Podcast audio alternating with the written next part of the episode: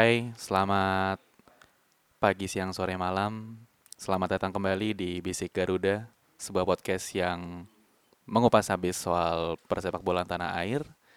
Kembali lagi bersama gue Agus Anugrah dan bersama teman-teman gue di sini ada Dimas Syuhada. Apa kabar, Su? Alhamdulillah baik. Dan di sebelah gue juga ada Panji. Apa kabar, Panji? Alhamdulillah baik. Kita membuka podcast ini agak-agak gloomy ya. Karena ya hari Selasa kemarin kita baru mendapatkan berita duka Iya. seorang pelatih mantan pelatih timnas Alfred Riedel Mhm, tutup usia di usia 70 tahun mhm. karena kanker ginjal ya Dim ya. Hmm, iya kayaknya. Gue lupa. Pokoknya kanker deh. Ya, dikarenakan Kanker dia. kanker meninggal di Austria kemarin. Yap. Eh, dari Panji dulu deh. Nih mungkin kalau untuk Alfred Riedel apa sih yang ada top of mind lu tentang Alfred Riedel kayak gimana? Eh, AFF 2010 Oh iya sih. itu kayak the pinnacle of Alfred Riedel in Indonesian football kalau menurut gua. Hmm. Di mana satu negara tuh bener-bener routing semua buat timnas Indonesia itu. Yang ibu-ibu, bapak-bapak di warung pun pada nonton bola waktu itu kalau lo merhatiin. Iya. Cuma sayangnya anti klimaks kan. Cuma Iya. di situ kita lihat bagaimana eh, timnas Indonesia, timnas Indonesia bisa menyatukan warganya Mm-mm. di turnamen itu. Di luar kita menjadi tuan rumah waktu itu ya, tuan rumah di pers- eh, penyisian grup ya. Iya. Kita jadi tuan rumah di situ eh, nggak langsung animonya gede karena bertahap dulu tuh. Lawan Malaysia masih dikit, makin ke atas makin ke atas. Rame banget sampai benar-benar ekspektasinya terlalu tinggi kalau menurut gua kemarin. Iya. Cuma di situ kita lihat bagaimana tangan tangan dinginnya seorang mendiang Alfred Riedel ini meramu bisa dibilang tim kombinasi kalau menurut gua. Tua muda ya. Ada tua muda karena di Hmm. depan kita dipimpin oleh uh, Eloko waktu itu. Iya. Eloko. Eloko dengan gue inget banget gol waktu lawan Filipina ya. Yang Filipin. Filipina dari jarak jauh itu keren banget sih. Mm. Gue nonton di rumah tuh satu rumah gue teriak semua, emak, tante gue teriak semua, bre. Itulah gua tadi gue lihat, gue bilang tadi kenapa eh, AFF level 10 menjadi pinnacle-nya Alfred Riedel sih. Benar-benar disatuin semua. Dan dia pun eh, berhasil meroketkan beberapa beberapa nama ya Hmm. yang bisa dibilang waktu itu nggak terlalu famous-famous banget. Irfan Bahdim bagus di situ. Iya. Sampai Yongki Arwibowo pun main di Malaysia mainnya bagus sebenarnya waktu itu. Siapa lagi coba? Eh, Nasuha dengan apa namanya perban di kepalanya waktu itu. Jadi memang banyak eh, momen-momen yang bisa kita ingat dari mendiang Alfred Riedel. Harus kita ingat juga dia dua kali ngelatih kita dan Hmm. dua kali membawa kita ke final Piala AFF. Setuju. Cuma kembali kita selalu crumble di akhir. Jadi ya memang di saat mendiang Alfred Riedel ini berpulang sedih sih, sedih banget sih. Hmm. Ada sosok legenda yang hilang di kita gitu. Bahkan mungkin untuk dari segi kehilangan pun tidak hanya dari warga Indonesia ya. Hmm, Kita benar. juga Ya. tahu kalau Alfred Riedel juga pernah melatih Vietnam. Mm-mm. Bahkan fun fact-nya di tahun 2007 ini ada berita bahwa eh, Alfred Riedel sempat mendapatkan donor ginjal dari warga Vietnam sebagai bentuk mungkin terima kasih kali ya Dim ya. Karena Iya. sudah membawa eh, Vietnam melangkah lebih jauh pada saat itu. Iya mungkin lebih efek apa ya namanya ya. Berterima kasihnya warga Vietnam karena di 2007 itu Vietnam satu-satunya tuan rumah yang lolos ke perempat final sih Iya, Mhm. betul. di Piala Asia ya waktu itu ya. Hmm. Makanya menurut gua eh, mungkin ya lu tahu sendiri Vietnam kan eh, sama seperti kita juga fanatik sepak bola ya. Iya. Ya mungkin lebih apa ya namanya ya punya rasa eh, berhutang budi lah terhadap eh, sepak bola di negaranya gitu di Vietnam gitu. Mungkin Waktu terusnya itu. juga dibangun oleh Riedel juga ya makanya Iya. sekarang Vietnam bisa sampai Iya sekarang kayak iya gini. benar Hmm. benar. Karena di 2008-nya kan mereka langsung juara AFF kan. Yes. Makanya em, menurut gua dan nggak cuman di Vietnam juga di kita juga pasti kan berkenang walaupun kita dua kalinya cuman runner up tapi kan setidaknya yang tadi seperti Panji bilang di 2010 momentumnya tuh benar-benar membangun eh, apa namanya animo masyarakat ya. secara seutuhnya gitu. Eh, walaupun kalau boleh jujur gue 2010 tuh sebenarnya sih bener-bener sesakit hati itu ya. Wah jelas sih. Ya kan? Siapa sih yang yang nggak patah hati ngeliatin kita dibantai di Bukit Jalil 3-0 gitu Iya kan. Dan apa yang namanya ya? Hmm, menurut gua yang paling terbaik untuk mendiang Alfred Riedel sih gue di 2016 ya karena kita tahu sendiri 2016 kan kalau nggak salah kita habis disuspend FIFA terus habis itu kita baru comeback lagi dan tiba-tiba kalau nggak salah koreksi misalnya gue gue salah kayaknya tuh persiapan untuk AFF 2016 kita juga minim gitu Singkat singkat singkat. singkat banget kan makanya kalau nggak salah waktu itu di Filipina ya penyisian grupnya Yap.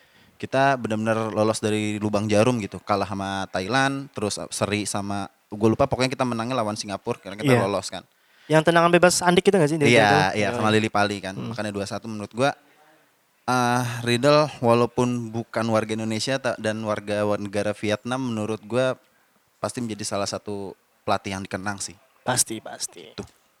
Thank you untuk Coach Riddle. Rest in peace. Yes. Terima kasih atas jasa kamu. Mungkin agar menetralisir keadaan nih, kita coba untuk bahas timnas U19 kali ya. ya Yes. Saat Yo, ini yo. sedang training camp di Kroasia. Udah selesai ya by the way. Ya ya. Ya. Untuk ketiga, eh sorry untuk di mini turnamen ini Yap yap. Kroasia sebagai juaranya. Yes. Tapi kita fokusnya di timnas kita sendiri nih. Oke. kita bukan nge- bukan bisik Kroasia ya Iya. Bukan apa lambang Kroasia ya. Gak tahu Fisik Zagreb. Ayolah. Zagreb. Ya, em, ada tiga hasil pertandingan nih. Mhm. Eh, yang pertama mungkin eh, melawan Bulgaria 3-0, melawan Kroasia 7-1, serta baru aja selesai lawan Arab Saudi. Mhm. Hmm. Comeback nih. Anjay. Keren. Almost comeback Almost, Almost comeback. comeback. Yap. Mungkin kita bahas dari Bulgaria dulu kali ya. Hmm. Kayak waktu kalau ini menurut pandangan gue sih, kalau pas lawan Bulgaria ini kayak lagi ngetes defense sih. Mhm. Iya Sebenarnya konsisten Iya. di babak pertama dan hampir ya setengah babak kedua sih sebenarnya konsisten. Ah. Cuman gua rasa sih kayaknya emang harus benar-benar dilatih ya soal endurance dan konsentrasi sih karena menit-menit terakhir tiga gol dalam 6 menit Ah. fuck up sih. Eh, Makanya kalau menurut gua tuh di game yang lawan Bulgaria tuh Kayaknya emang Sintayong tuh emang yang tadi lu bilang menerapin pola defense ya kayaknya ya.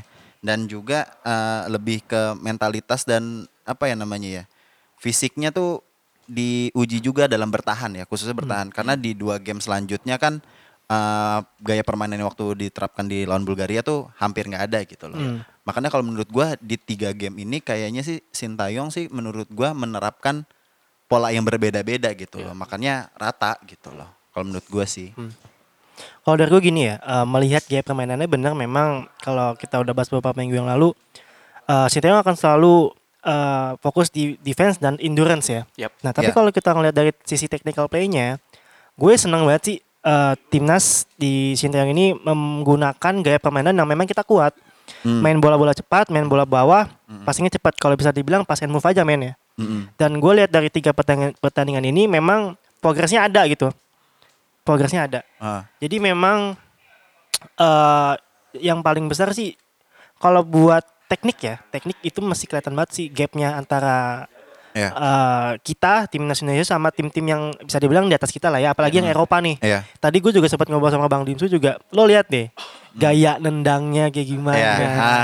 gaya pass passingnya gimana, mana yang emang udah diajarin dari kecil, Teknik paling simple. ya. Ah, Iya. paling simpel dan mana yang emang passingnya ya gaya main lo aja waktu kecil. Iya. Itu udah kelihatan banget. Kayak tadi Bang Sinisu bilang, "Ini kok pemain Kroasia nendangnya kok tepat sasaran semua ya." ya Iya. itu bedanya di Ah, situ. Nah, ah. memang kalau kita bila, bisa bilang Sintayong ini PR-nya gede banget yaitu bener-bener ngajarin banget ngerombak. Iya. At least lo disiplin bagaimana Ah. tadi bilang Bang Bang Agus bilang bilang eh, teknik dasarnya dulu dibenerin. Mm-mm. Nah, jadi jangan kita nggak usah mikirin hasil akhirnya Mm-mm. kita lihat dari sisi technical play-nya kalau menurut gua Eh, ketika pertandingan ini Bulgaria, eh, Kroasia kemudian Arab Saudi dan itu ada hasilnya dan dan dan alhamdulillahnya ada comeback ya. Jadi Iya. setidaknya moralnya anak-anak ini naik sih Mm-mm. untuk lanjut ke sisi selanjutnya gitu. Dan menurut gue itu juga masalah yang tadi yang hampir comeback tiga sama lawan uh, Arab Saudi yang barusan kita tonton juga ya Yap. kan.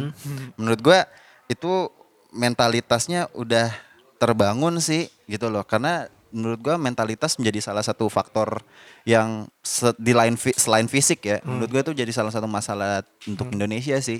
Khususnya ya nggak cuma di tingkat umur ya. Ya sampai di senior juga kayak begitu gitu loh. Makanya menurut gua Sintayong nih bener-bener apa ya nguji di semua aspek nggak hanya fisik nggak hanya taktik nggak cuman apalagi ya endurance yang tadi kita bahas dan mentalitasnya juga di, di- dilatih gitu loh. Apalagi di usia muda U19 menurut gua ya bagus sih kan menghadapi tim-tim yang menurut kita bagus gitu loh. Iya. Bulgaria, Kroasia dan walaupun Arab Saudi Asia tapi kan Arab Masih di Saudi po- lu liatin aja lah posturnya juga udah berbeda gitu Hmm. loh ya kan. Makanya menurut gua hasil nggak penting juga sih. Yang Iya. penting proses. itu sih yang PR-nya adalah gimana kita bisa dibilang Sintayong nyari mitigasi gimana sih Hmm. cara ngelawan tim yang fisiknya lebih gede Ya. karena tadi kita lihat juga Kroasia banyak kan golnya dari atas Iya. Ya. dan emang bener-bener kalah dari badan aja sebenarnya Hmm. main bola atas juga kalah gimana segala macam kan Ya. dari postur udah, udah, udah kalah nah itu PR-nya Sintayong sekarang tuh gimana menggunakan senjata main bola kaki bawah Hmm. itu main bola bawah aja jangan main atas dah Kalau menurut gue sih tinggal taktik sih, taktik Hmm, aja hmm, sih. hmm. Menurut eh, karena gue melihatnya eh, nggak ada taktik identitas cara bermain timnas dari tiga game di Hmm. di, di tes apa namanya di tur- mini turnamen ini gitu loh. Karena gue ngelihatnya dapat bola yang penting menyerang tapi nggak ada skema Hmm, yang hmm, hmm. yang benar-benar pakem kayak Ya, ya. eh, eranya Fahri Hussein atau Indra Safri gitu loh yang Hmm. main bola-bola pendek ya. Gua nggak tahu sih mungkin emang ini karena selera pelatih gua nggak ngerti juga. Cuman gua nggak melihat itu sih. Hmm. Dan juga kita juga banyak kehilangan bola mungkin karena efek latihan fisik sih kali ya. Hmm. Tapi menurut gua gua percaya bahwa eh, kalau fisik lu udah sampai di titik tertinggi lu, lu Hmm. nge-push diri lu ya lu pasti bakal lebih punya titik selanjutnya gitu loh. Pasti bakal naik terus gitu. gue nanya deh kalau misalnya ya Ah. ini kan emang bisa dibilang nge- ngenjot endurance ngenjot fisik ya Hmm, hmm. Terlalu dini gak sih kalau gue bilang harusnya timnas Indonesia berani main counter pressing? Counter pressing. Kayaknya nggak tahu ya eh, dari tiga pertandingan yang eh, sudah ter- sudah ter- terjadi gitu. Kalau menurut gua justru terlalu berbahaya sih kayak Hmm. kalau misalkan Bahaya banget, counter pressing. bahaya banget. Karena eh, ya selalu di tiga pertandingan ini tuh memiliki kesamaan di 20 menit terakhir tuh udah Eh. udah udah habis Eh, sih, ah, udah ah, habis dan ah. ada dan eh, salah satu yang gue sorotin sebenarnya dari ketiga pertandingan ini tuh transisi sih dari lu Hmm. menyerang ke Iya, bertahan tuh iya. wah jelek banget. Hmm. Ujung-ujungnya lu ngelakuin tackling yang tadi tuh kalau lu mungkin perhatiin pada Ah. saat melawan Arab Saudi tiga kali foul eh, Indonesia itu langsung tiga-tiga kartu kuning karena kehilangan bola panik terus langsung tackling yang Ah, ah, ah, yang apa ya yang agak-agak kasar gitu sih. Makanya kalau misalnya nerapin counter pressing kalau menurut gue terlalu jauh sih Ji. Mak- karena karena lu lihat sendiri deh megang bola aja masih suka hilang gitu loh. Dan masih suka jatuh. Ini menurut gue efek domino dari genjot fisik yang sebelum berangkat Kroasia juga sih. Makanya kalau untuk menerapkan pola yang counter pressing kayak lu bilang kayaknya sih belum gitu loh. Tapi kalau misalnya bisa diterapkan in the next game atau apa pun itu nantinya ke depannya menurut gue sih bisa sih. Iya. Kenapa gue bilang counter pressing ya? Gue ngasih ide untuk pressing gini. Ah. Kalau misalnya memang Indonesia mau main uh, sit deep ya, nunggu belakang gitu kan nggak pressing banget banget. Yang gue takutkan adalah di saat atau lo lawan kayak contohnya Kroasia deh. Ya.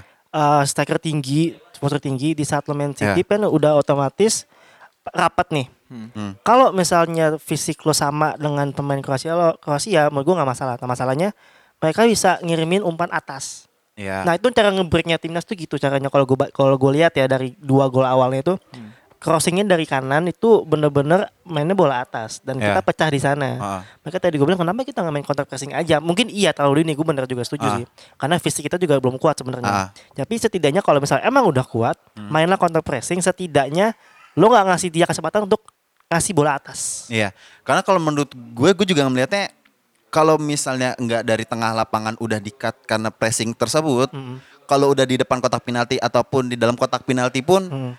fisik jadi jadi Iya. penentu karena Iya, lihat iya. deh pasti gol-gol yang lawan Kroasia itu sundulan oke fisik, Hmm. terus abis itu dari kemelut juga fisik juga, walaupun udah dijaga sama tiga empat pemain kita tetap Iya. tetap gol gitu loh. Hmm. Kaki lo tuh nggak mau jalan. Iya, ah, ah, ah. kan dan riskan juga kan kalau di kotak penalti kan dan banyak pelanggaran juga yang Ah, iya, seperti ini kan dan terlebih yang dilawan Arab Saudi sampai tiga penalti. Yes. Kesel banget gue. ya. Tapi sebenarnya secara secara kualitas, maksudnya dari kualitas pertandingan eh, ketiga pertandingan ini ya, menurut gue pada saat melawan Kroasia tuh udah lumayan berani loh untuk timnas bermain terbuka. Cuman mungkin Ya. again yang tadi gue bilang transisi dari lu menyerang terus kehilangan bola menjadi bertahan tuh yang agak menjadi PR sih sebenarnya kalau menurut gue.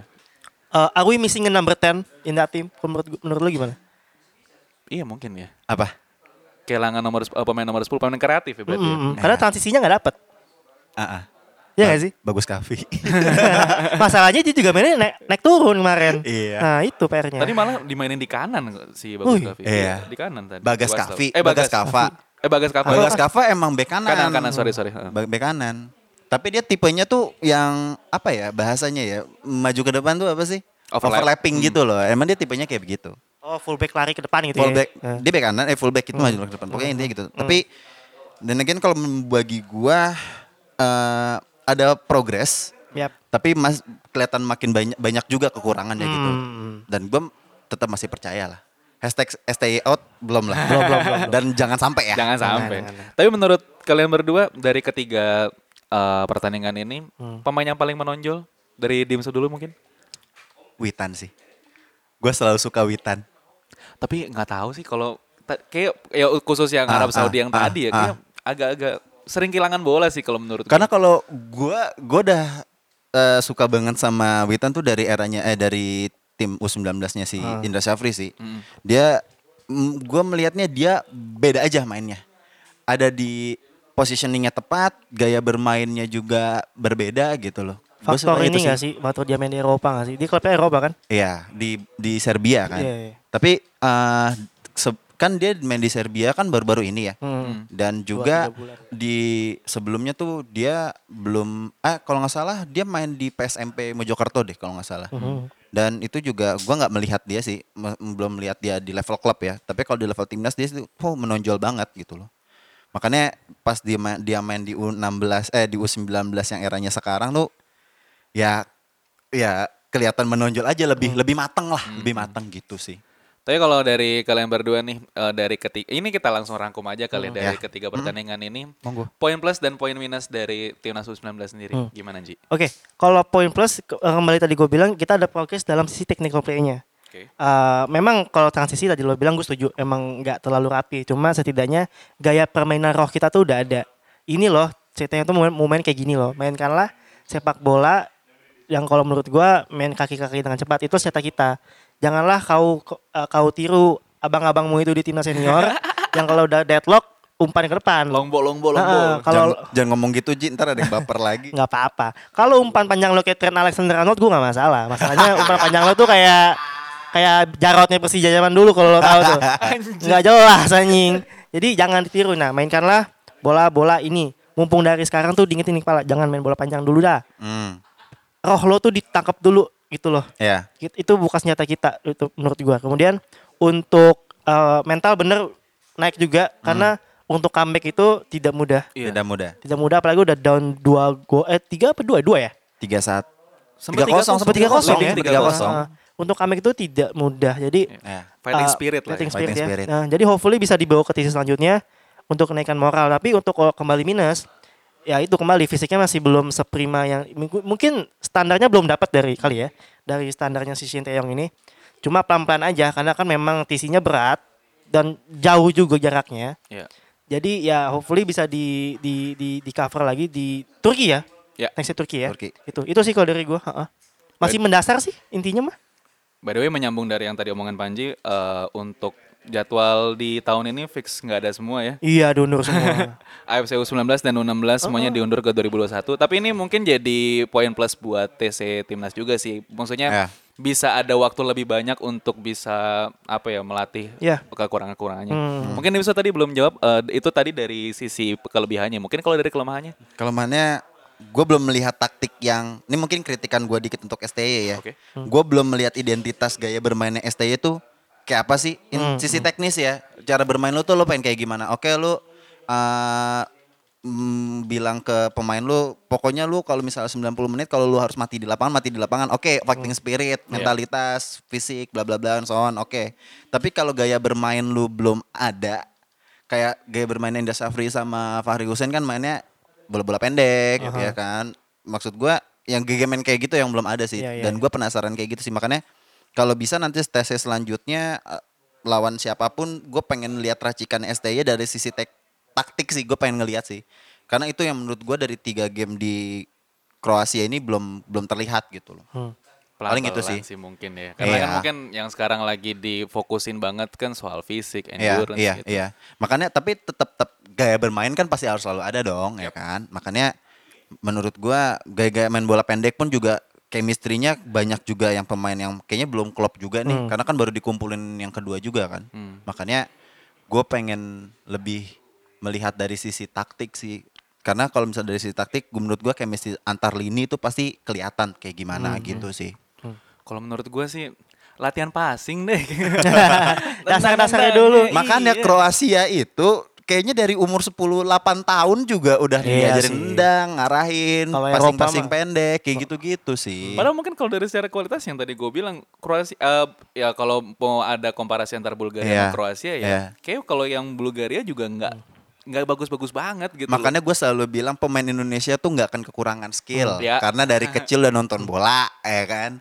Tapi fundamental lu bermain Ah. basket itu yang men- eh basket Ah, biasaan nih orang nih. Iya. bermain bola itu yang menjadi Iya. apa ya?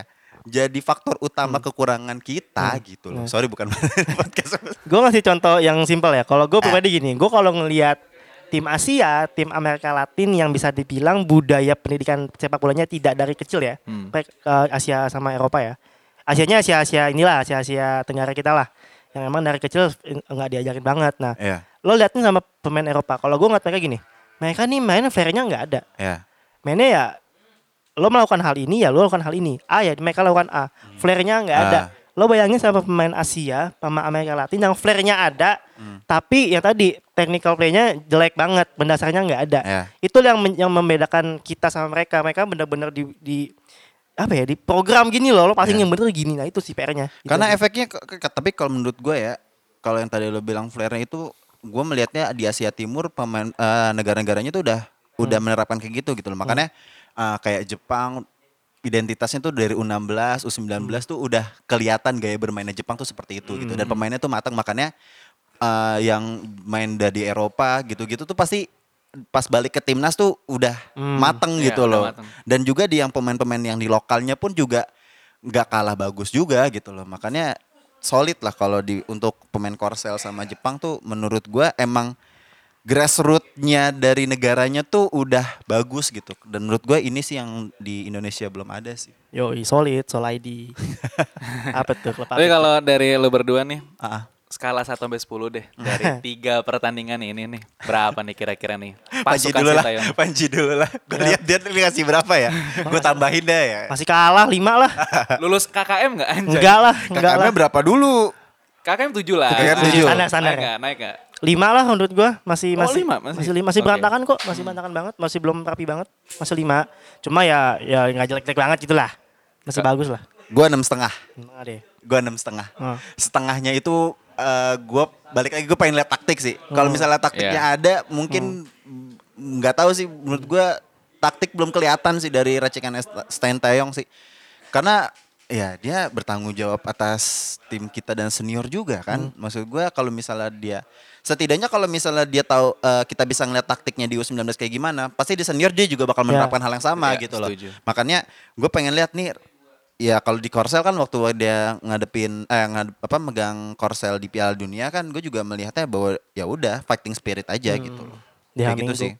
Padahal juga apa namanya? Kayaknya sih kalau dari pandangan gue, mungkin Sintayong pengen mencoba untuk mengaplikasikan main bola dari belakang. Ya. Terus juga umpan satu dua yang lebih apa jarak pemain juga nggak terlalu jauh gitu. Ah. Cuman mungkin apa ya panikannya sih yang kayaknya harus Oh, iya bisa sih. dikontrol gitu. Iya sih. Gimana tuh Nyi kalau menurut lo? setuju gua jadi gini bisa di bisa ada ada ada benang merahnya Hmm. lo mau main kaki ke kaki tapi pemainnya nggak deket ya tadi lo bilang transisinya nggak dapet Ya. di saat pemainnya jauh ya lo megang bola nih lo di kanan ya kan lo mau masing ke tengah Ujung-ujungnya long ball jadinya. iya gimana gitu ya Pun juga kalau menurut gue untuk main ke kaki kaki ke kaki tuh eh, harus fokus juga gitu. Lo Hmm. tahu pergerakan lo harus kayak gimana, teman lo harus passingnya ke mana. Ini balik lagi ke fokus bermainnya gitu Hmm. loh, fokus pemainnya gitu. Dan juga fokus kan pasti hilang kalau misalnya fisik habis kan. Hmm. Nah itu juga sih. Jadi kayaknya efek efek domino dari Hmm. fisiknya juga mungkin konsentrasi pemain mungkin agak sedikit goyang.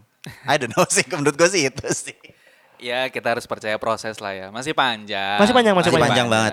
Nggak usah dulu lah ngeluarin hashtag-hashtag STY out, STY out lah. Tuh Sampah. netizen, netizen.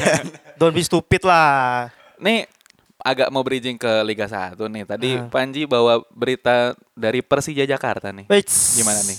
Eh, assalamualaikum abang-abang oranye tim ibu kota. di ibu kota. Masih tim ibu kota kan? Belum Masih. pindah kan ibu Belum, kota. belum, belum, belum. Nggak, jadi, jadi gini, eh sayang sih pelatih barunya eh, cabut ya Mm-mm. dengan alasan ya masalah keluarga lah, kesehatan keluarga. Sangat disayangkan tetapi mau gimana kan namanya kesehatan keluarga kan masih diutamakan. Betul. Dan mengingat masih baru tiga pertandingan dan dan eh, timingnya agak agak jelek sih karena bulan depan udah mau mulai lagi Liga 1 kan. Baru mau mulai lagi. Baru mau mulai lagi. Nah, Iya. kemudian di take over oleh asistennya Sudirman ya, Pak Sudirman. Ya, betul. Pak Sudirman. Oke, seba- eh, dari tactical play wise, dari eh, strategi bermain menurut gue tidak akan ada banyak perbedaan. Iya. Karena pasti dia akan tetap eh, bermain dengan eh, blueprint yang sudah ada di awal. Hmm. Jangan diubah dulu karena kalau lo mau ubah ini bukan saatnya. Kalau lo mau ubah nanti musim baru kalau nggak di tengah musim. Biar karena main blueprint di si siapa nih pelatihnya namanya? Yang lama Sergio. Sergio Sergio. Farias. mainkan dia mainkan blueprintnya dulu karena blueprintnya ber- berhasil nih. Hmm. Karena memang memang terbantu juga dengan komposisi pemain Persija yang menurut gua salah satu yang terbaik lah di Liga 1 Iya. ya kan ada dan dan dan tetaplah main kamera Komoto di kanan demen banget gua sama dia Eh, gosip dikit. Marco Motta emang masih lanjut ya? masih masih Setahu gua eh Katanya mau- mau cabut tahu. sih. Nah, iya Ah, makanya Astaga, gosip-gosip dikit nih, gosip-gosip dikit. Tahu gua sih Marco Ah. Motta pengen cabut juga. Tapi kalau bagi gua untuk Persija sendiri nggak tahu sih. Eh, emang emang apa ya namanya ya belum terbukti maksudnya baru tiga tiga pertandingan ya terlalu cepat gitu loh. Mhm. Ma- eh, dan juga caretakernya siapa? Pak Sudirman. Pak Sudirman ini gue sorry itu sih gue juga nggak tahu backgroundnya kayak gimana tapi gue setuju dengan yang apa Panji bilang eh, blueprintnya tuh pemain-pemainnya berkualitas dan menurut gue salah satu beberapa pemain terbaik di Indonesia ada di Persija gitu loh. Dan langganan timnas kan untuk beberapa ya Evan Dimas, Osvaldo dan yang lainnya. Menurut gue ini salah satu tim yang yang mampu untuk meraih titel juara lagi untuk Liga 1 bisa dan semoga sih eh, apa ya performanya nggak menurun sih Hmm. kalau menurut gue itu untuk Persija Ya agar tidak terlalu kelihatan memihak nih. Ah. Takutnya jadi podcast orangnya no podcast The Jackmania kan takutnya. Tapi untuk informasi sih eh, klub-klub Liga 1 lu- eh, hampir semuanya udah latihan sih untuk Iya, iya, menjelang iya. Iya. Liga 1 yang akan dimulai Oktober ini. Hmm. ya Nah, ini kalau dari segi Liga 1 sendiri nih, mm. ya kita tahu nggak ada degradasi. Dan oh iya ya, udah pasti nggak ada degradasi ya nggak ada degradasi. Jadi cuman eh, penentuan juara aja. oke tetap lanjut gitu.